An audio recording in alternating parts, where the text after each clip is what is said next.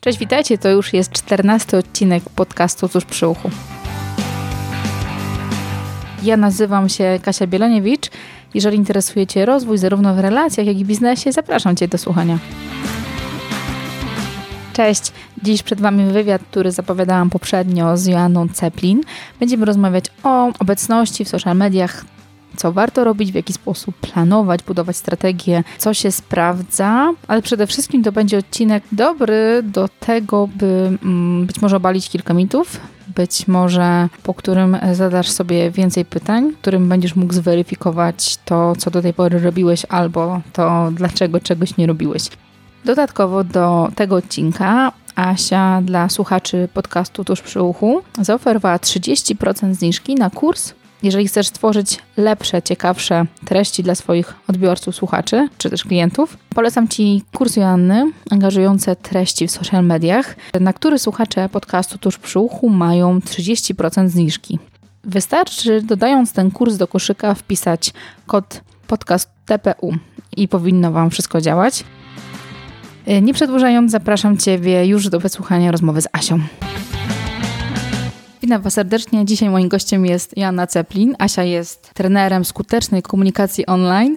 Pomaga osobom indywidualnym oraz firmom zaistnieć w internecie. Pomaga w wszystkich obszarach związanych z komunikacją online. Dzień dobry. Witam Ciebie, Asiu. Asia również jest partnerem agencji Comunico Arts oraz założycielką, współzałożycielką Lemon Social Media. Trudne nazwy. Tak.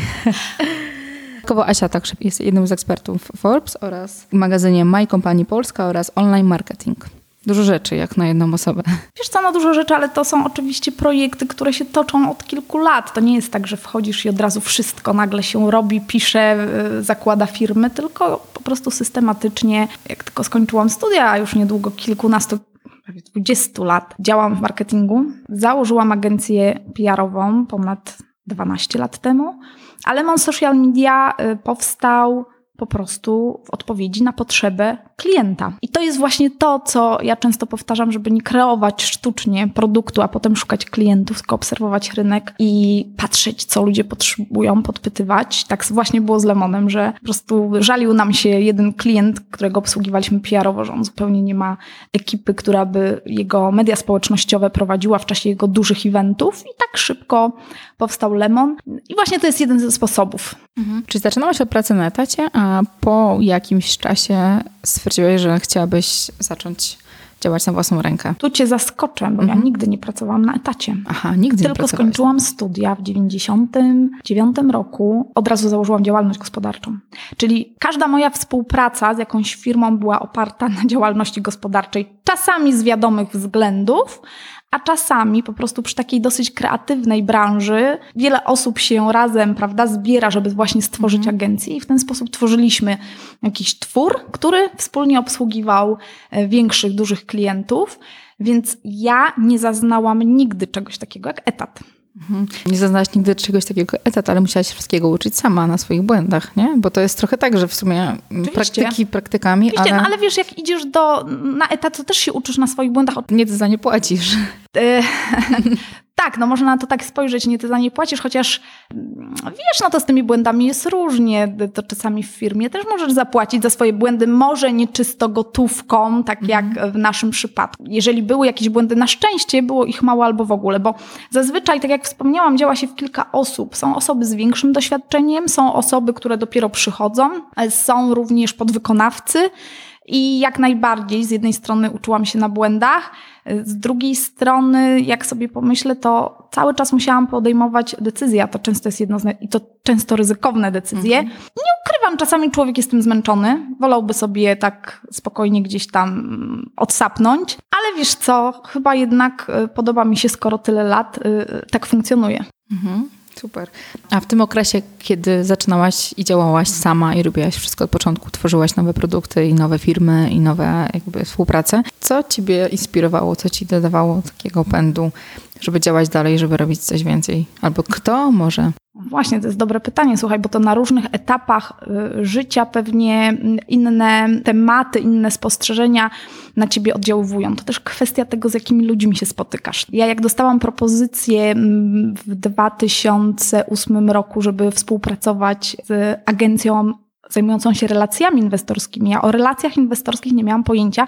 Miałam tam być odpowiedzialna między innymi za część taką PR-ową, ale musiałam się nauczyć wiele o tym w ogóle, o co chodzi w debiutach giełdowych, o co chodzi w spółkach giełdowych. Także nawet byłam skłonna pójść na studia podyplomowe dotyczące relacji inwestorskich, żeby ten temat przegryźć i niestety po skończeniu tych studiów stwierdziłam, że nie, to w ogóle nie jest moja para kaloszy. Więc czasami niektóre decyzje pod wpływem innych osób były lepsze lub gorsze, ale one nam dawały pewne doświadczenie, tak? Bo przez to, że ja się spotkałam z tymi firmami, przez to, że zobaczyłam, jak to funkcjonuje, przez to, że brałam udział w tym kryzysie wielkim, bo to był czas, kiedy nagle przyszedł ten wielki kryzys mhm. i dużo spółek giełdowych miało problemy, ta komunikacja też kryzysowa, reakcji niektórych prezesów. To było niesamowite, żeby to obserwować w ogóle i się uczyć. I potem nagle ta zmiana, gdzie ja postanowiłam założyć swój sklep internetowy. W ogóle taka zmiana pod tytułem Jestem w ciąży, siedzę w domu, chcę tam coś sobie kupić, stwierdzam, że e, na tym Allegro to nie wiadomo, czy to jest prawdziwe, czy nieprawdziwe, no to ja założę sklep. I to była jedna z takich decyzji pod tytułem Ja sobie coś wymyślę i, i ludzie będą z tego korzystać, ale to też była fajna przygoda, bo ja wtedy poznałam świat online. I ja zawsze podkreślam, że gdyby nie tamta decyzja, to ja bym nie robiła tego, co dzisiaj robię. Bo przez to, że założyłam ten sklep, podjęłam to ryzyko, musiałam nauczyć się, jak online zdobywać klientów gdzie oni są.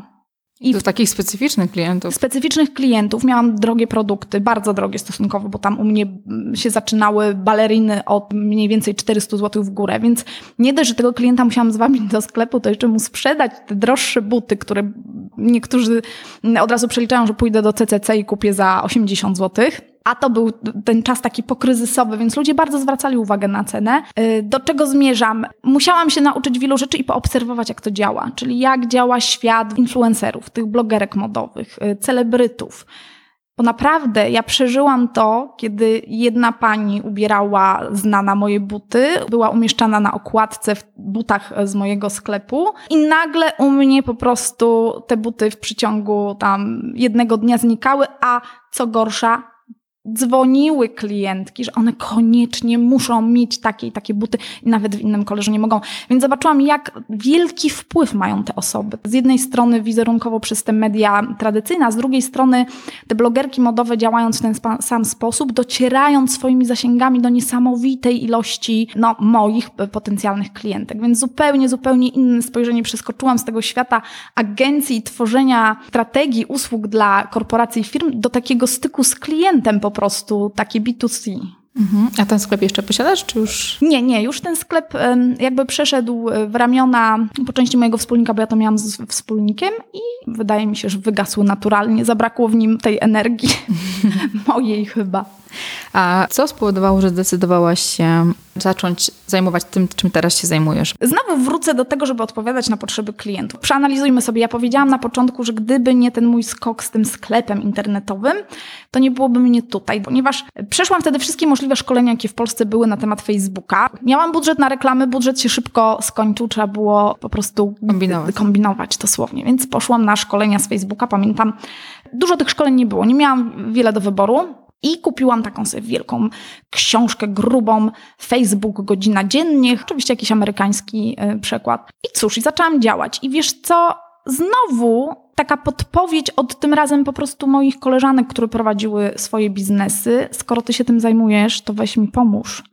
I ja tak doradzałam jednej, drugiej i w końcu trzecia powiedziała, Aśka, ja ci po prostu zapłacę, ty mi zrób strategię, ty naucz mojej dziewczyny, jak one mają to robić. I w ten sposób ja stworzyłam oczywiście jej tą strategię, przeszkoliłam jej zespół i pojawiła się kolejna osoba. W międzyczasie pojawił się ten Lemon, bo ja równolegle też prowadziłam y, działania w tej agencji PR-owej i nagle dotarło do mnie, że to jest fajne, ja to lubię robić.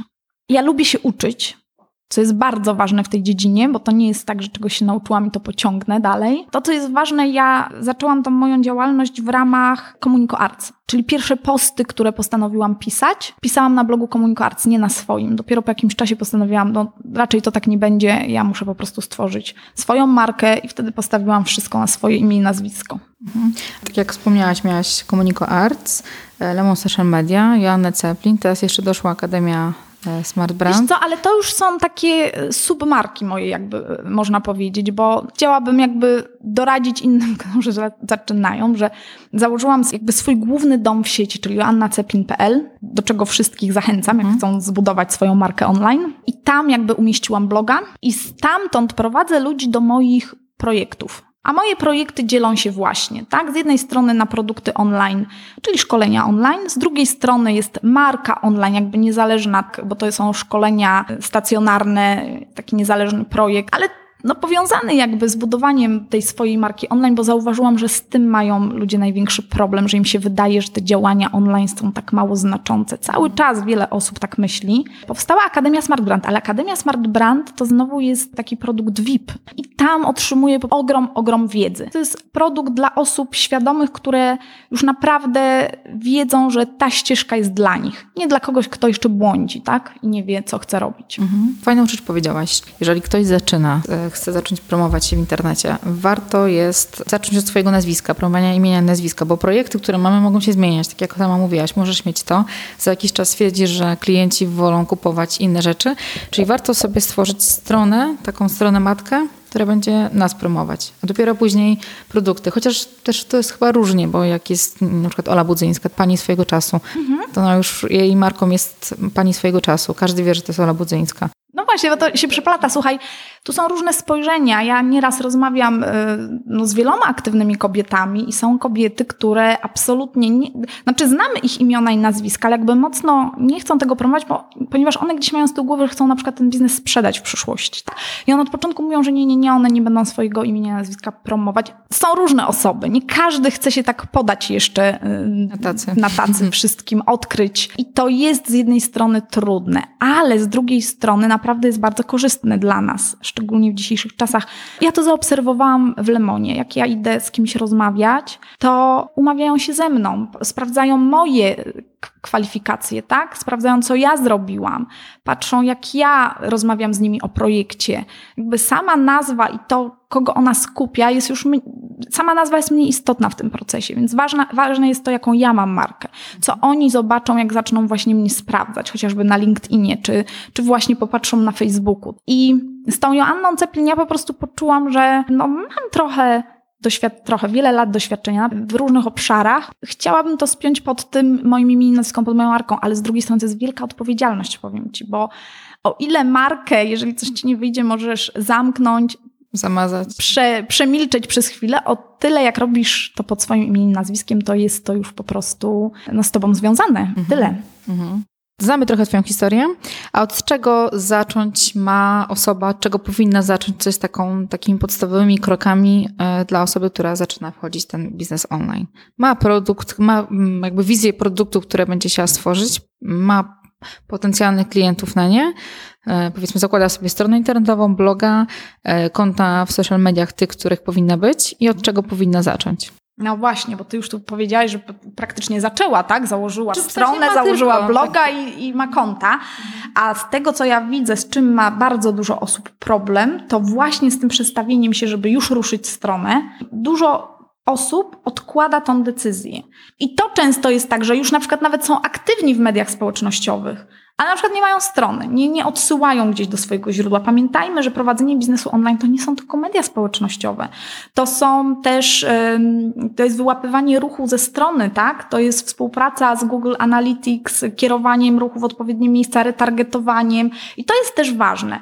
I teraz, jeżeli my chcemy to robić e, spójnie, już pomijając to, że Facebook nam oferuje pixel, który możemy zainstalować na swojej stronie, no dobrze, ale my tą stronę musimy mieć. I wtedy najczęstszy jest problem taki, że właśnie tak ja stronę tworzę, buduję, jestem w trakcie, więc ja uczulam, żeby nie popełnić tego błędu, żeby ta strona się tworzyła bardzo długo. Śmieszne sytuacje. Ja prowadzę konsultacje, czy przychodzą do mnie osoby na szkolenie marka online i co się dzieje? No i one mi opowiadają, pytają się mnie. Potem spotykam je gdzieś za 3-4 miesiące i słuchaj, ja nawet nie muszę się pytać, one same mi się usprawiedliwiają.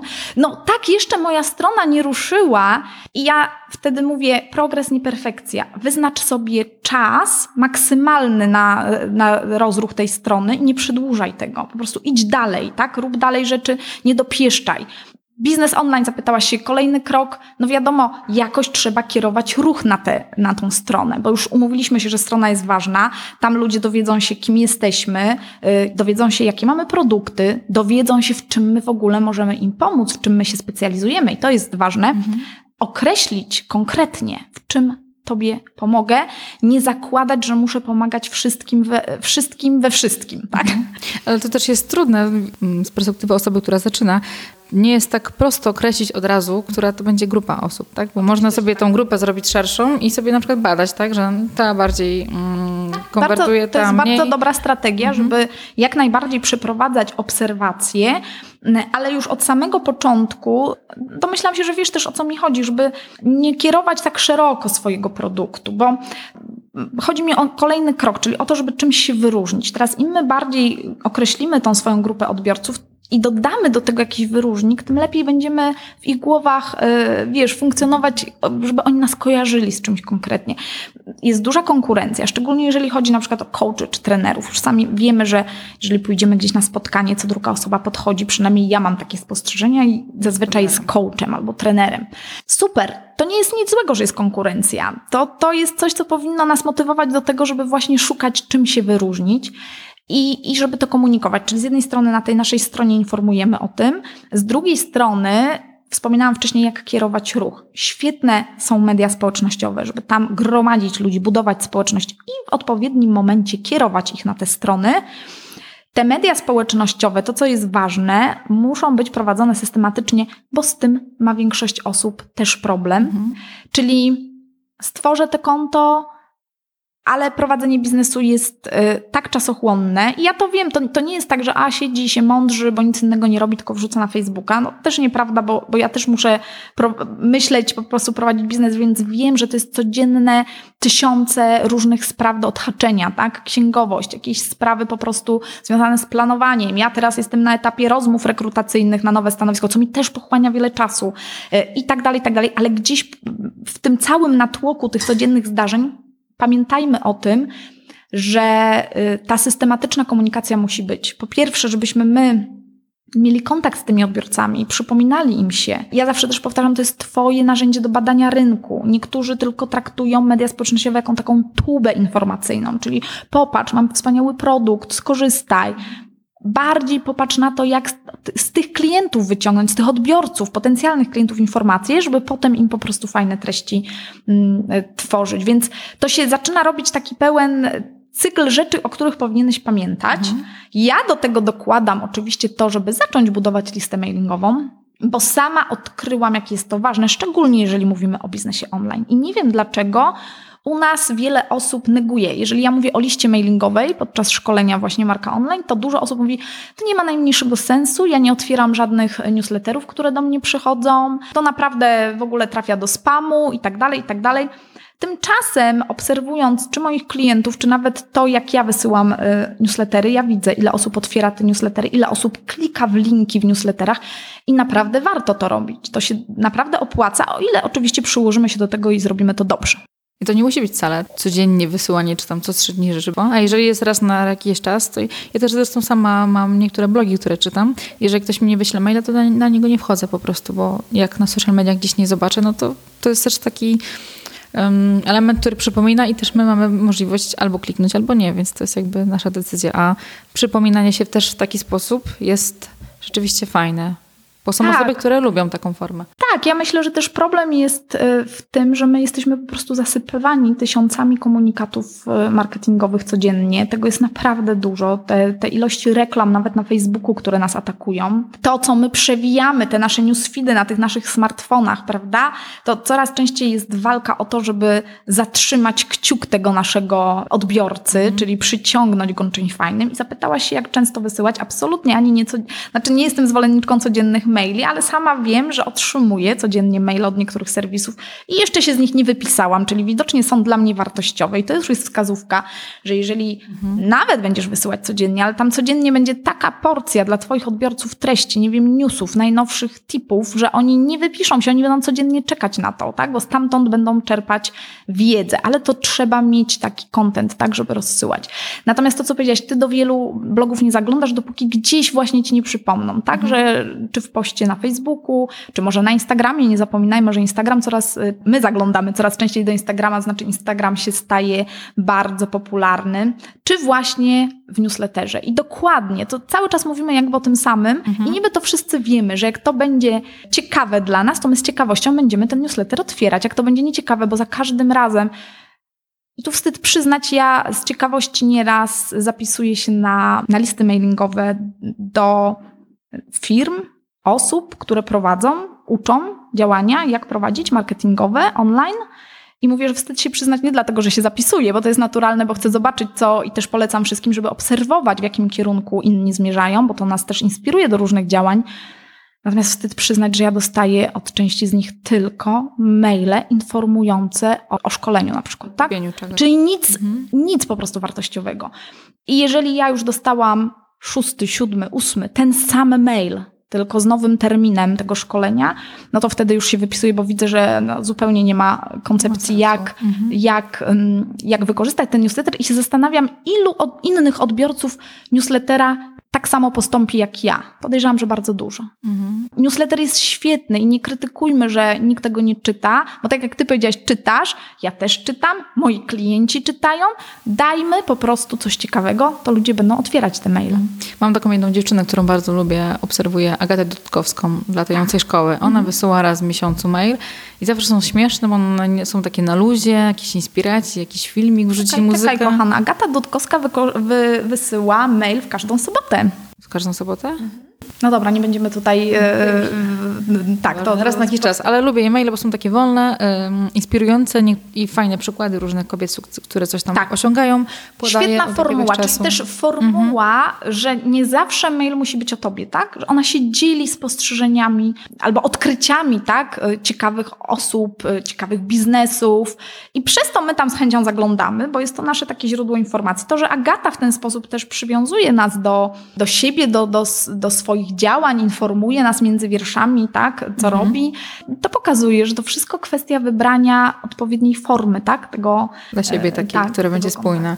Mhm. To powiedziałaś o regularności, o systematyczności, ale wydaje mi się, że bez planu jakiegoś, bez takiej strategii. Nawet nie musi to być ogromny biznesplan, który nas, nie wiem, przez który, który będziemy dwa miesiące tworzyć i nic nie wyjdzie z tego. Jak możemy zaplanować to, co możemy robić w social mediach? Bo planowanie, dobre planowanie oszczędza nam bardzo dużo czasu, bo to nie musimy zastanawiać się za każdym razem, co mamy robić, tylko niektóre rzeczy są po prostu powtarzalne. Co powinniśmy zrobić, żeby zaplanować i oszczędzić nasz czas mhm. naszej działalności. Jakiś czas temu wydałaś e, planer nowoczesnego przedsiębiorcy i w nim może po prostu wykorzystać jako taki ala kalendarz, mhm. który może wpisywać wszystkie działania, które robi, tak? Czyli mhm. w jednym miejscu mieć i kiedy newsletter wychodzi, tak? I kiedy są publikowane czy cykle, czy... Tak. To wszystko można usystematyzować. Wiesz co, ten planer to znowu, to nie było coś, co ja, wiesz, nad czym w ogóle myślałam, nie wiadomo ile i planowałam, że w ogóle moim produktem to będzie planer. To, to planer był znowu odpowiedzią na to, co ja zauważyłam, czyli przychodzą sobie do mnie różne osoby na szkolenie, fajnie posłuchają, posiedzą sobie cały dzień na szkoleniu albo kupią y, szkolenie online, przerobią to szkolenie i co dalej?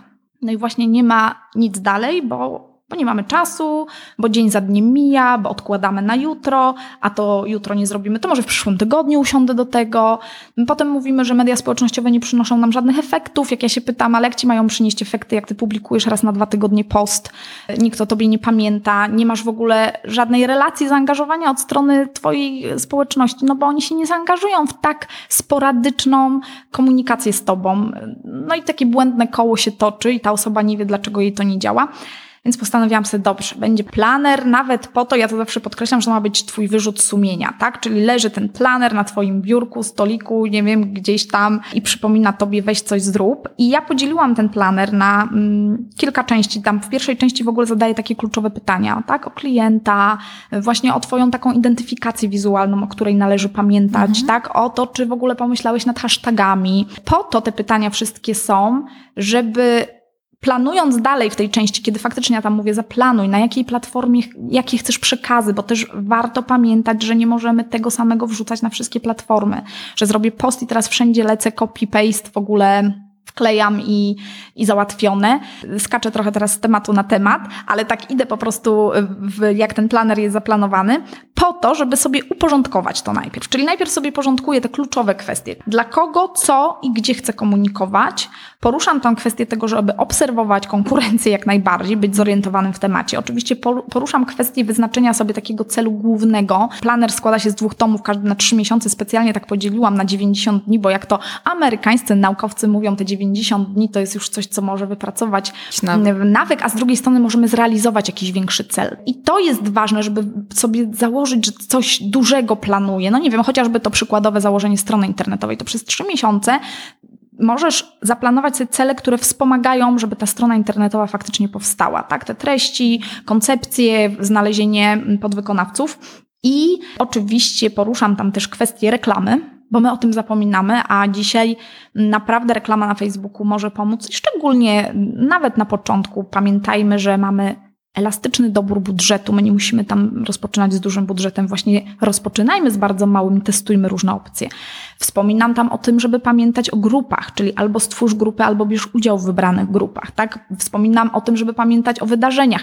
Czyli jakby chciałam tam umieścić takie elementy, żeby zaglądając do planera zastanawiać się, a może teraz jest czas, żeby założyć grupę, a może teraz jest czas, przecież mógłbym, nie wiem, uruchomić wydarzenie, to też przyciągnie jakiś ruch. Tak? Mhm. Wspomniałaś o cyklach. Są dwie drogi, można wszystko planować, można też działać na, e, spontanicznie. Świetnie, jeżeli ma się ten dryk, pamięć, pamięta się o tym i potrafimy robić to spontanicznie, ale wiem, że wiele osób niestety, jak są zaganiani na co dzień, to zupełnie zapominają, wieczorem im się przypomina, że nic nie umieścili. Więc ja uważam, że taka opcja pół na pół, czyli zaplanuj przynajmniej tam posty. Najważniejsze rzeczy. Tak, raz na jakiś mhm. czas, jak już wiesz, że w przyszłym tygodniu będziesz chciała poinformować o tym, albo zapytać o coś, tak? To zaplanuj już to w jakimś narzędziu. Oczywiście na Facebooku możemy to zaplanować po prostu na profilu, tak? Nie musimy korzystać z żadnej zewnętrznej aplikacji. Mhm. Jeżeli już chcemy połączyć tą naszą komunikację, czyli zaplanować to i na Facebooku, i na Instagramie, i na LinkedInie, i w grupie na Facebooku, to możemy wtedy zastanowić się, czy nie posłużyć się już takim narzędziem, w którym będziemy to wszystko mieli. Będziemy siadać raz w tygodniu, planować sobie, gdzie co ma się ukazać, w ciągu tygodnia dodawać coś, co się wydarzy bieżąco w danej chwili, tak jak ja na przykład jestem tu u ciebie i mogę dorzucić, tak? Mhm. Dzisiaj, że jestem u Kasi i nagrywam z tobą podcast i to jest takie fajne, bo pokazuje, co ja robię w ciągu dnia. Nie planowałam tego wcześniej, że będę e, wcześniej gdzieś tam e, to ujmować, bo chciałam właśnie, żeby to było takie, że robimy coś teraz tutaj.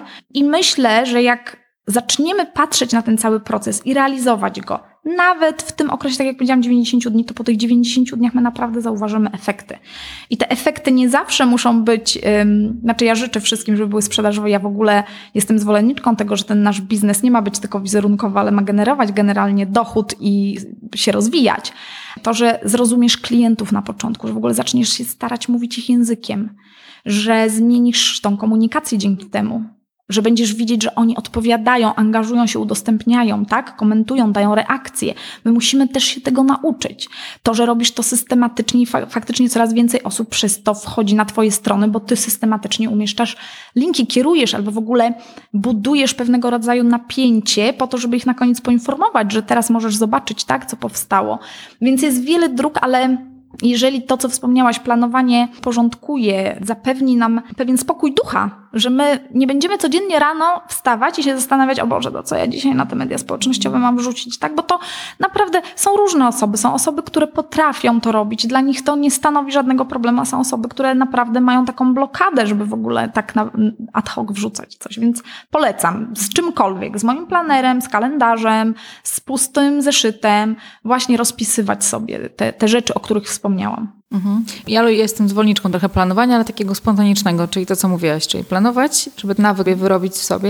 Ja tylko jeszcze dodam, że zobacz, ja stworzyłam ten planer, a potem do tego planu stworzyłam kurs. Nie wiem, czy ty wchodziłaś na ten kurs tak, planu tak, w mediach mhm. społecznościowych. Tam się dzielę takimi rzeczami sprawdzonymi przeze mnie, jak na przykład deklaracja publiczna. Osoby, które mają problem, żeby zrealizować coś do końca, żeby podzieliły się tym pomysłem właśnie z odbiorcami w mediach społecznościowych. Jak masz problem, jak coś zaplanować, spójrz na te kroki od tyłu, ułóż w ogóle tą ścieżkę. Więc to jest też fajne, że jak już mamy ten planer, to żebyśmy też przyjęli pewną metodologię. Każdego działa co innego, wiesz. Także... Ja tak patrzę pod kątem swoim, tak głównie, no. ale u mnie na przykład dużo się sprawdziło, zanim mój podcast ruszył, że mam taką dziewczynę, którą ja obserwuję i którą bardzo lubię i stwierdziłam, że okej, okay, poradzę się jej, zadzwonię do niej, zapytam się, co ona robiła, jak ona zaczynała, jakie miała trudności i ona zapytała się, okej, okay, to kiedy startujesz? I podałam datę. Tak cisnęłam pod koniec już, żeby się wyrobić w tym terminie, że jak sobie zobowiązałam się tak jej, Tak, psychicznie mówię, okej, okay, to jest taki dokładnie, dokładnie to jest motywator, świetny, świetny przykład. Stąd popularność, mam wrażenie, tych wszystkich wyzwań, żebyśmy tak publicznie zadeklarowali, że coś będziemy robić i dotrzymali tego. Szczególnie online, kiedy tak naprawdę jesteśmy niby z ludźmi, jesteśmy wszyscy razem, ale każdy jednak sam musi wszystko robić. To jest codziennie w swoim pokoju czy w biurze, gdzie pracuje, sam te rzeczy sobie znosić, różne trudy. Mi to, co się podoba w tym planerze, jedną z rzeczy, to jest to, co wcześniej, czego ja wcześniej nie robiłam. Znaczy takie zaplanowanie, ilu chcę mieć fanów, ile, jakie statystyki. To też jest fajne, żeby wpisywać sobie, że w tym miesiącu jest tak, a za miesiąc będzie tak. I takie obserwowanie progresu, bo wiele rzeczy robimy, nie, nie, ma, nie mamy takiego momentu stop, pauzy, okej, okay, to zobacz, co zrobiłaś i wiesz, Tak. o co chodzi. I wiesz co, ja nawet to łączę z jeszcze jednym elementem, z takim celebrowaniem. Znaczy z jednej strony wyznaczanie tych celów, tak? Czyli że minimum 100 fanów, żeby mi przybyło, czy minimum, żeby wysłała przynajmniej dwa newslettery w miesiącu. Albo sprzedaż Nie, jakąś. Albo konkretną. sprzedaż, oczywiście. To jak zobaczysz potem, że zrealizowałaś ten cel, a może nawet jeszcze jest on lepszy niż ty zakładałaś, to też celebrujmy, że nam się udało po prostu. My tak w tym pędzie to zapominamy doceniać siebie. Ja też mam to i też czasami się łapię na tym, że ja cały czas jestem taka, że bym chciała dobrze, no to to już jest dobrze, to następne, następne, następne i nie ma takiego stop i ktoś nagle mi mówi, ale słuchaj, no nie przesadzaj, no tyle przecież rzeczy zrobiłaś, no weź, Mhm. y, doceń to. To jest ten moment, żebyśmy też sami pod koniec miesiąca przejrzeli. Oczywiście z jednej strony celebrowanie, ale z drugiej strony, jeżeli coś nam zupełnie nie wyszło, to zastanówmy się dlaczego, Mhm. tak? I w którym momencie daliśmy po prostu ciała i poprawmy się w tym elemencie. I w tym też nie ma nic złego, bo każdy z nas popełnia błędy. Nie ma nic złego, bylebyśmy się zastanowili i przez następny miesiąc nie popełniali tego samego błędu. A jak się promować? Ile nas powinno być w internecie? Bo wiele osób ma problem z, najpierw z tym, żeby wyjść, tak, żeby zacząć się pokazywać. I my mamy wrażenie, że nas jest za dużo, a nas jest za mało po prostu. Bo zanim przedrzemy się przez tą ilość osób, które są w internecie, przeskrolujemy, zanim ktoś na nas trafi, to trochę mija. Tak, wiesz co, talizuję od czego zacząć, bo z jednej strony zaczęłaś od tego, że nam się wydaje, że nas jest za dużo i to oczywiście prawda. Po pierwsze, wydaje nam się szczególnie na Facebooku, jeżeli prowadzimy profil y, firmowy, że jeżeli my będziemy publikować te posty i to często właśnie na moich szkoleniach panie mają taką obawę, że będą wysk- wyskakiwać po prostu wszystkim z lodówki, nie dociera do nas cały czas to, do większości osób, nie mówię o specjalistach, którzy siedzą tak w branży, są na bieżąco i oni to doskonale wiedzą, ale normalnie o takich moich odbiorcach, którzy przychodzą się uczą od podstaw, że nie wszyscy widzą te nasze treści. Co więcej, widzi te treści już naprawdę Bardzo e, mały. bardzo mały procent. Kiedyś było, że 4-6, teraz słyszałam, że 2%. Tak naprawdę im więcej mamy fanów, tym Facebook nam te zasięgi jeszcze bardziej ogranicza. Więc zastanówmy się, ile z tych osób nas e, faktycznie zobaczy. Dwa, to trochę zależy też od tego, jaką my markę chcemy budować, tak? Bo marka marce nierówna. Zastanówmy się, ktoś może budować markę bardzo takiej osoby mm, aktywnej, wychodzącej do ludzi, otwartej, ale inna osoba budująca swoją markę osobistą może już być bardziej taka powściągliwa, bo ona ma za zadanie budować markę na przykład siebie jako y, super doradcy i chce zachować pewien taki dystans. I tu bym nie wrzucała wszystkich do jednego worka, żebyśmy teraz wszyscy kopiowali, że jak ktoś odniósł y, sukces i on robi akurat jakieś wariactwa w transmisjach na żywo i tak ma tyle zasięgów, to zastanówmy się, czy dla naszej marki to jest też słuszna droga. Zawsze przeanalizujmy, jak my chcemy, żeby ludzie nas postrzegali i to wtedy dostosujmy do naszej strategii komunikacji. Teraz ty zapytałaś, ile określi, czy nas nie jest za dużo, czy codziennie na przykład. Wiesz co, ja jak obserwuję w ogóle osoby, które stawiają bardzo mocno na rozwój swoich biznesów online, no to faktycznie ich jest bardzo, bardzo dużo. Ale ich widać. Ja bym, wiesz co, podsumowała tak, żeby obserwować i wy- wyłapywać elementy, które będą pasowały do tego, co my robimy, jaką markę chcemy stworzyć. Próbujmy po prostu, obserwujmy też statystyki. Pamiętaj, że czy to na profilu y, na Facebooku, czy na Instagramie, my mamy możliwość obserwacji statystyk. Na profilu na Facebooku mamy możliwość po prostu zobaczenia, ile osób nas odlubiło i zastanowienia się, dlaczego E, na Instagramie statystyki wewnętrzne jeszcze może nie pokazują nas, ile osób nas odlubiło, ale są aplikacje, które nam, możemy zainstalować aplikacje, które nam to pokażą, kto nas przestał obserwować na Instagramie. Można wtedy się pokusić o wyciąganie wniosków, dlaczego? Ponieważ każdy z nas ma inną y, grupę odbiorców. Ostatnio prowadziłam warsztaty skuteczna reklama na Facebooku i był pan, który w ogóle miał zupełnie specyficzną grupę odbiorców. I on powiedział, że jego grupa odbiorców nie rozumie na przykład emoji w ogóle w postach są z innej branży, to nie są ludzie internetu, ale są na Facebooku, ale na przykład nie lubią postów z serduszkami, minkami, więc to wszystko zaczyna się od tego, żeby poznać naszego klienta. Jeżeli czujesz, że z twoim klientem możesz tak swojsko rozmawiać i, i wrzucać takie po prostu, wiesz, naturalne, e, naturalną formę, czy właśnie te transmisje na żywo, non-stop organizować, zadawać pytania i on to akceptuje i się cieszy i wchodzi w reakcję i jest zaangażowany, no to super, to tylko to po prostu kontynuować. Ale jeżeli czujesz, że ludzie mówią, piszą do ciebie, no ale czytać komentarze, pytać i obserwować.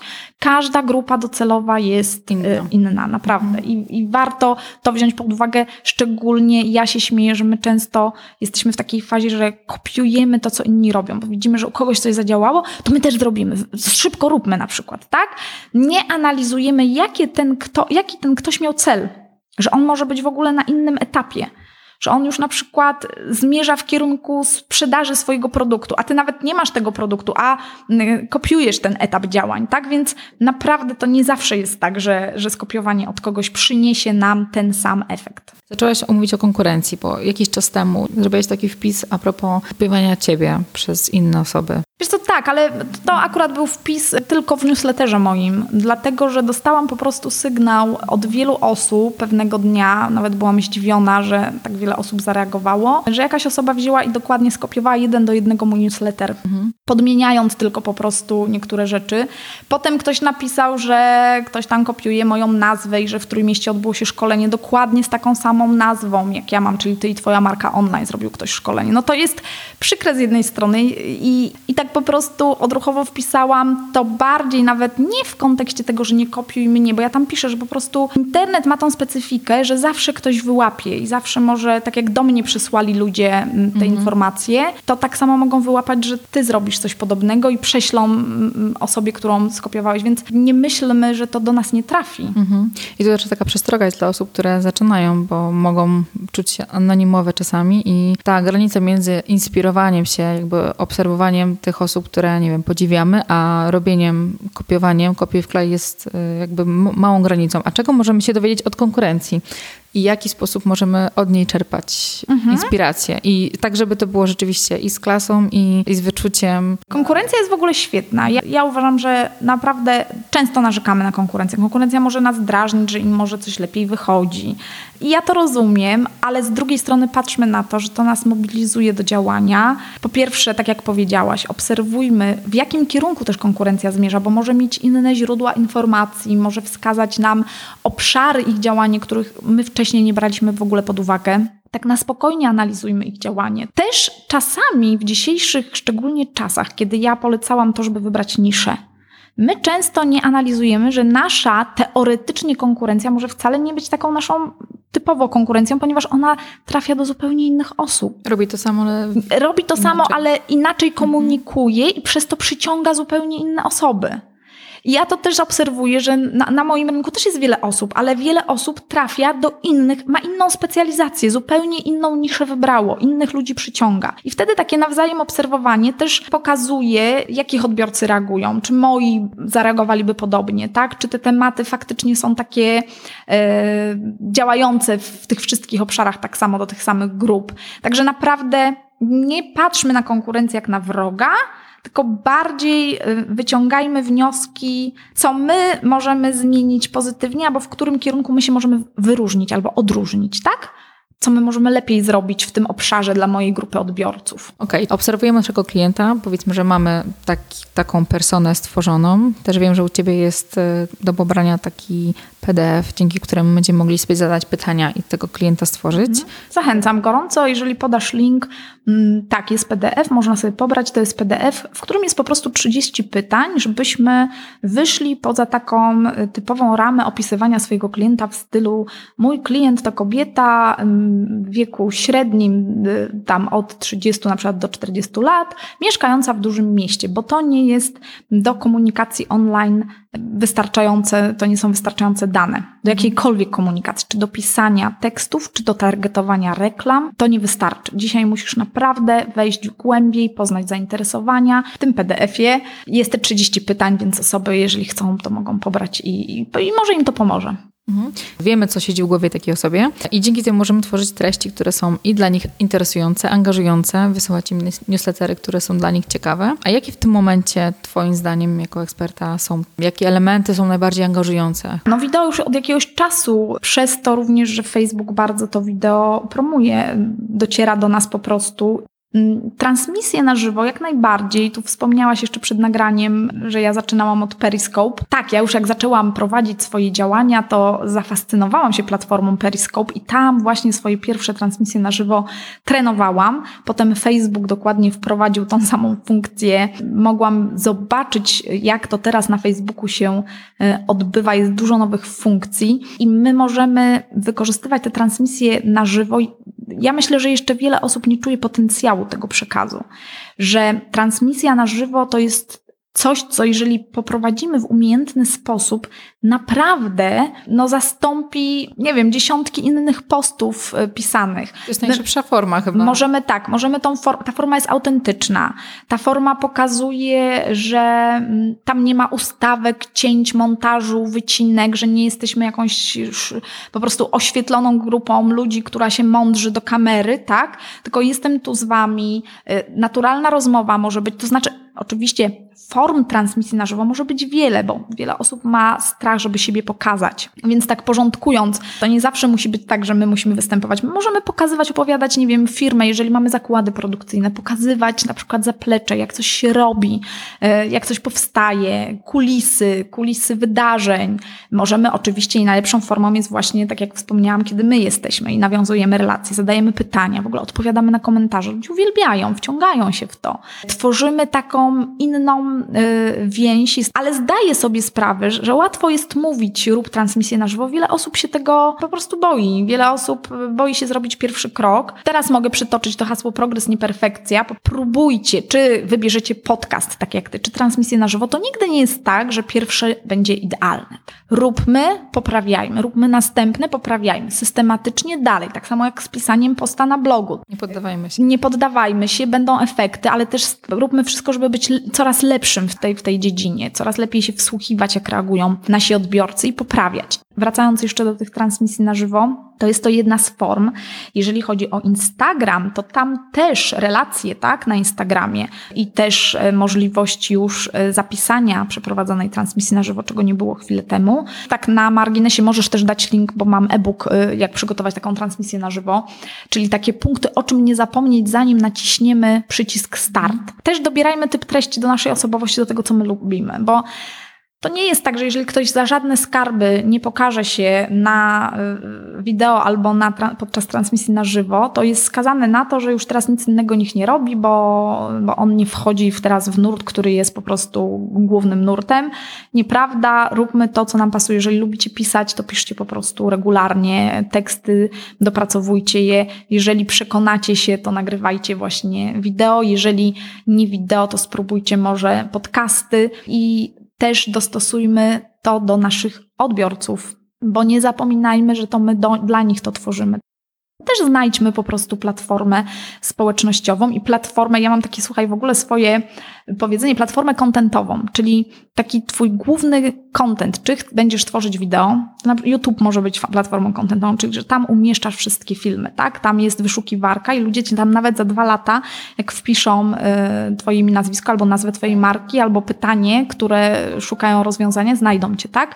Platformą kontentową dla ciebie może być twój blog. Facebook idzie w, w tym kierunku, żeby być platformą kontentową, bo do tej pory wyszukiwarka na Facebooku nie działała tak. Teraz już odnajdziesz transmisję na żywo, tak? Dlatego jest ważne, jaki ma tytuł ta transmisja na żywo. Wiesz co, to już jest od jakiegoś czasu. Wpisz w wyszukiwarkę, na przykład, tak jak ja używam hashtagu, hashtag znana marka online i tak się nazywają moje transmisje, coś, to znajdziesz wszystkie posty, w których jest hashtag znana marka online, czy wpiszesz Joanna Ceplin, czy jakieś swoje słowo kluczowe. Także skupiajmy się na tym, co lubimy robić, co trafia do naszych odbiorców i doprowadzajmy to do perfekcji.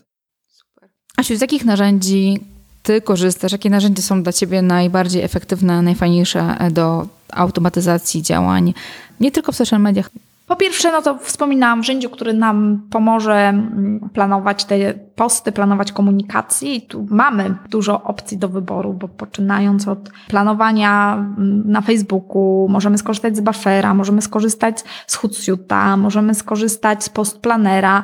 Jak zaczniemy się tym interesować, to nagle wyskoczy nam mnóstwo innych opcji, chociażby nas zaraz marki konkurencyjne będą targetować nam reklamy, wyświetlać.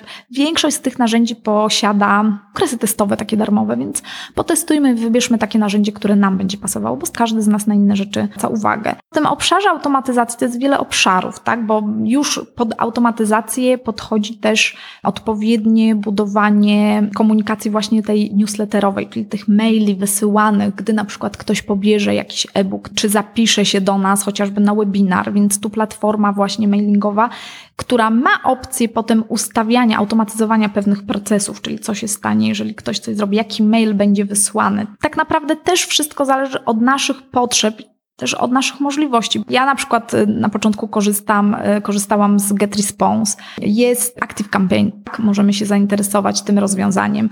Jeżeli ktoś zupełnie zaczyna, to może będzie dla niego dobrym rozwiązaniem MailChimp, który ma do 2000 możliwość prowadzenia do 2000 subskrybentów. Y, jeżeli chodzi o automatyzację, to na pewno trzeba skorzystać z jakichś form płatności, jeżeli będziemy online sprzedawać produkty, zastanowić się, jakie wybieramy formy płatności, czy to będzie PayU, czy TPay. Kolejna rzecz, y, faktury, żeby się wystawiały automatycznie. Ja akurat korzystam z fakturowni i powiem szczerze, jestem bardzo zadowolona.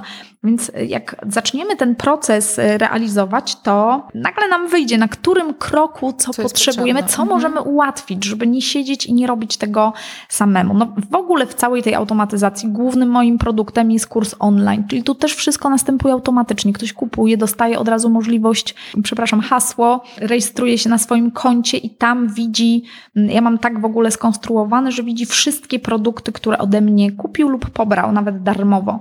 I powiem szczerze, specjalnie nawet w pewnym momencie, jak podejmowałam decyzję, jak będę to rozpowszechniać, stwierdziłam, że mnie denerwuje to u innych, że jak kupuję różne produkty albo pobieram od nich materiały, to nie mam tego w jednym miejscu. Na różnych platformach są różne rzeczy, i u mnie, jeżeli pobierzesz jeden e-book, drugi e-book, a potem kupisz kurs, to zawsze logując się widzisz te wszystkie materiały. I to jest też pewnego rodzaju, już połączona z tymi wszystkimi wcześniejszymi narzędziami automatyzacja, bo to prowadzisz jeden mm, ciągły proces. Kwestia, jaki ty masz model biznesowy i co ty chcesz robić, tak? To wtedy szukasz narzędzi, które musisz y, dodać, wykorzystać. Tak naprawdę to ja mam wrażenie, że jest tyle źródeł, tyle osób o tym mówi, że wykorzystujmy wyszukiwarki, szukajmy w danym momencie informacji, bo mam jeszcze takie wrażenie, że my uwielbiamy, szczególnie na początku działalności, na zapas wszystko, pobierać, mhm. PDF-y, w ogóle e-booki, to może mi się przydać, to nagram, w tym webinarze wezmę udział.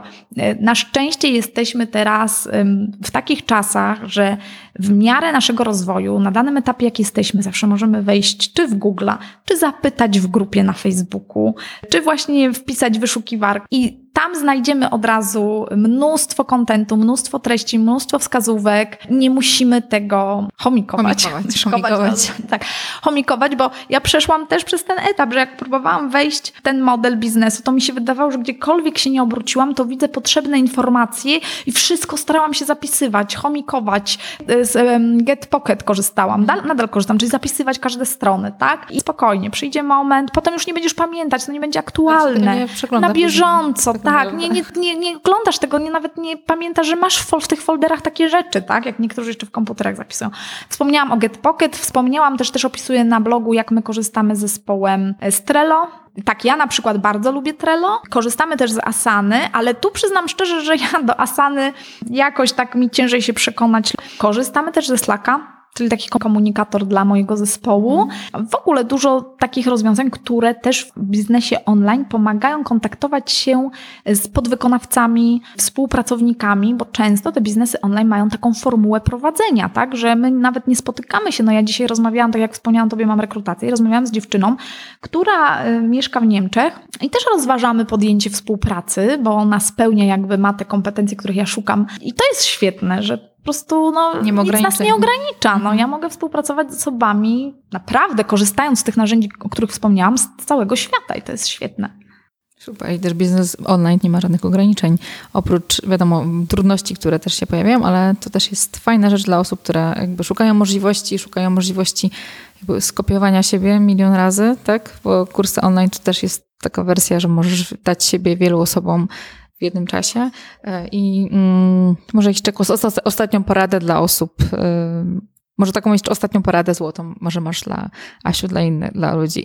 Podsumowując naszą rozmowę, mniej znaczy więcej, bycie w jednym miejscu, ale rzeczywiście skutecznie i skupieniu się na jednej platformie na początku e, jest ważne. Planowanie swoich działań. Słuchanie klienta. Słuchanie klienta i wyciąganie wniosków od nich. Taki, taka mocna obserwacja. Albo jesteś w grupie u kogoś i tam obserwujesz, działasz, wyciągasz wnioski, albo robisz coś swojego. Zadajesz pytania Dokładnie. po prostu, tak nawiązujesz interakcję. I też e, moje takie jedno z, z zdań, które często powtarzam, zamiast konsumować, twórz swoje treści treści generalnie, nieważne, czy to ma być wideo, czy podcast, czy posty na blogu, czy transmisje na żywo. Twórz swoje treści, nie przeglądaj, nie scrolluj godzinami i nie udawaj, że się inspirujesz. Tak naprawdę marnujesz swój czas. Ja zawsze się śmieję i mówię na moim szkoleniu, że zacznij poranek od tego, że ty coś stworzysz, ty coś opublikujesz, a dopiero potem daj sobie prawo do tego, żeby przeglądać innych treści, bo my robimy na odwrót. Chwytamy za telefon, czas leci, tak? Potem nagle nie mamy już czasu lecimy tu, spotkanie następne i my nie tworzymy swoich treści. Cały czas konsumujemy cudze. Zamiast konsumować cudze, twórz swoje treści.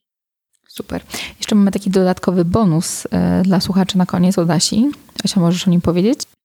Chciałabym zachęcić osoby, które y, może nie czują się na siłach i nie wiedzą, jak angażować swoich odbiorców, jak z nimi rozmawiać, jakie metody stosować, jakie treści w ogóle tworzyć, do tego, żeby może zapoznali się z moim kursem, jak tworzyć angażujące treści i przyciągać odbiorców. W związku z tym dla Twoich słuchaczy oferuję 30% rabatu na hasło Twoje, które pewnie umieścisz pod podcastem. W notatkach. W notatkach link i hasło jak najbardziej można kliknąć, przeczytać co tam jest, zobaczyć na czym ten kurs polega. Tam nawet mam wideo, jak ten kurs wygląda od środka, jakie ma lekcje, ile lekcji, e, jakie ma materiały bonusowe, obejrzeć i w razie czego wykorzystać ten kod i po prostu zacząć zaraz od dzisiaj tworzyć treści. Tak, twórz, nie konsumuj i e, jeżeli chcesz coś skonsumować jednak, to zapraszamy na stronę Asi, joannaceplin.pl i tam będą również wszystkie informacje, o których między innymi dzisiaj rozmawialiśmy. Dziękuję Ci bardzo, Asiu, za rozmowę. To ja dziękuję za zaproszenie, było bardzo, bardzo miło. Dziękuję bardzo. I to już wszystko na dziś. Jeżeli macie jakieś pytania, jeżeli chcecie zapytać też o coś Asię, zapraszam do zadawania pytań. To może jeszcze mały zwiastun kolejnych odcinków. W listopadzie zaczynam proces certyfikacji, by zostać trenerem mocnych stron, coachem Instytutu Galupa.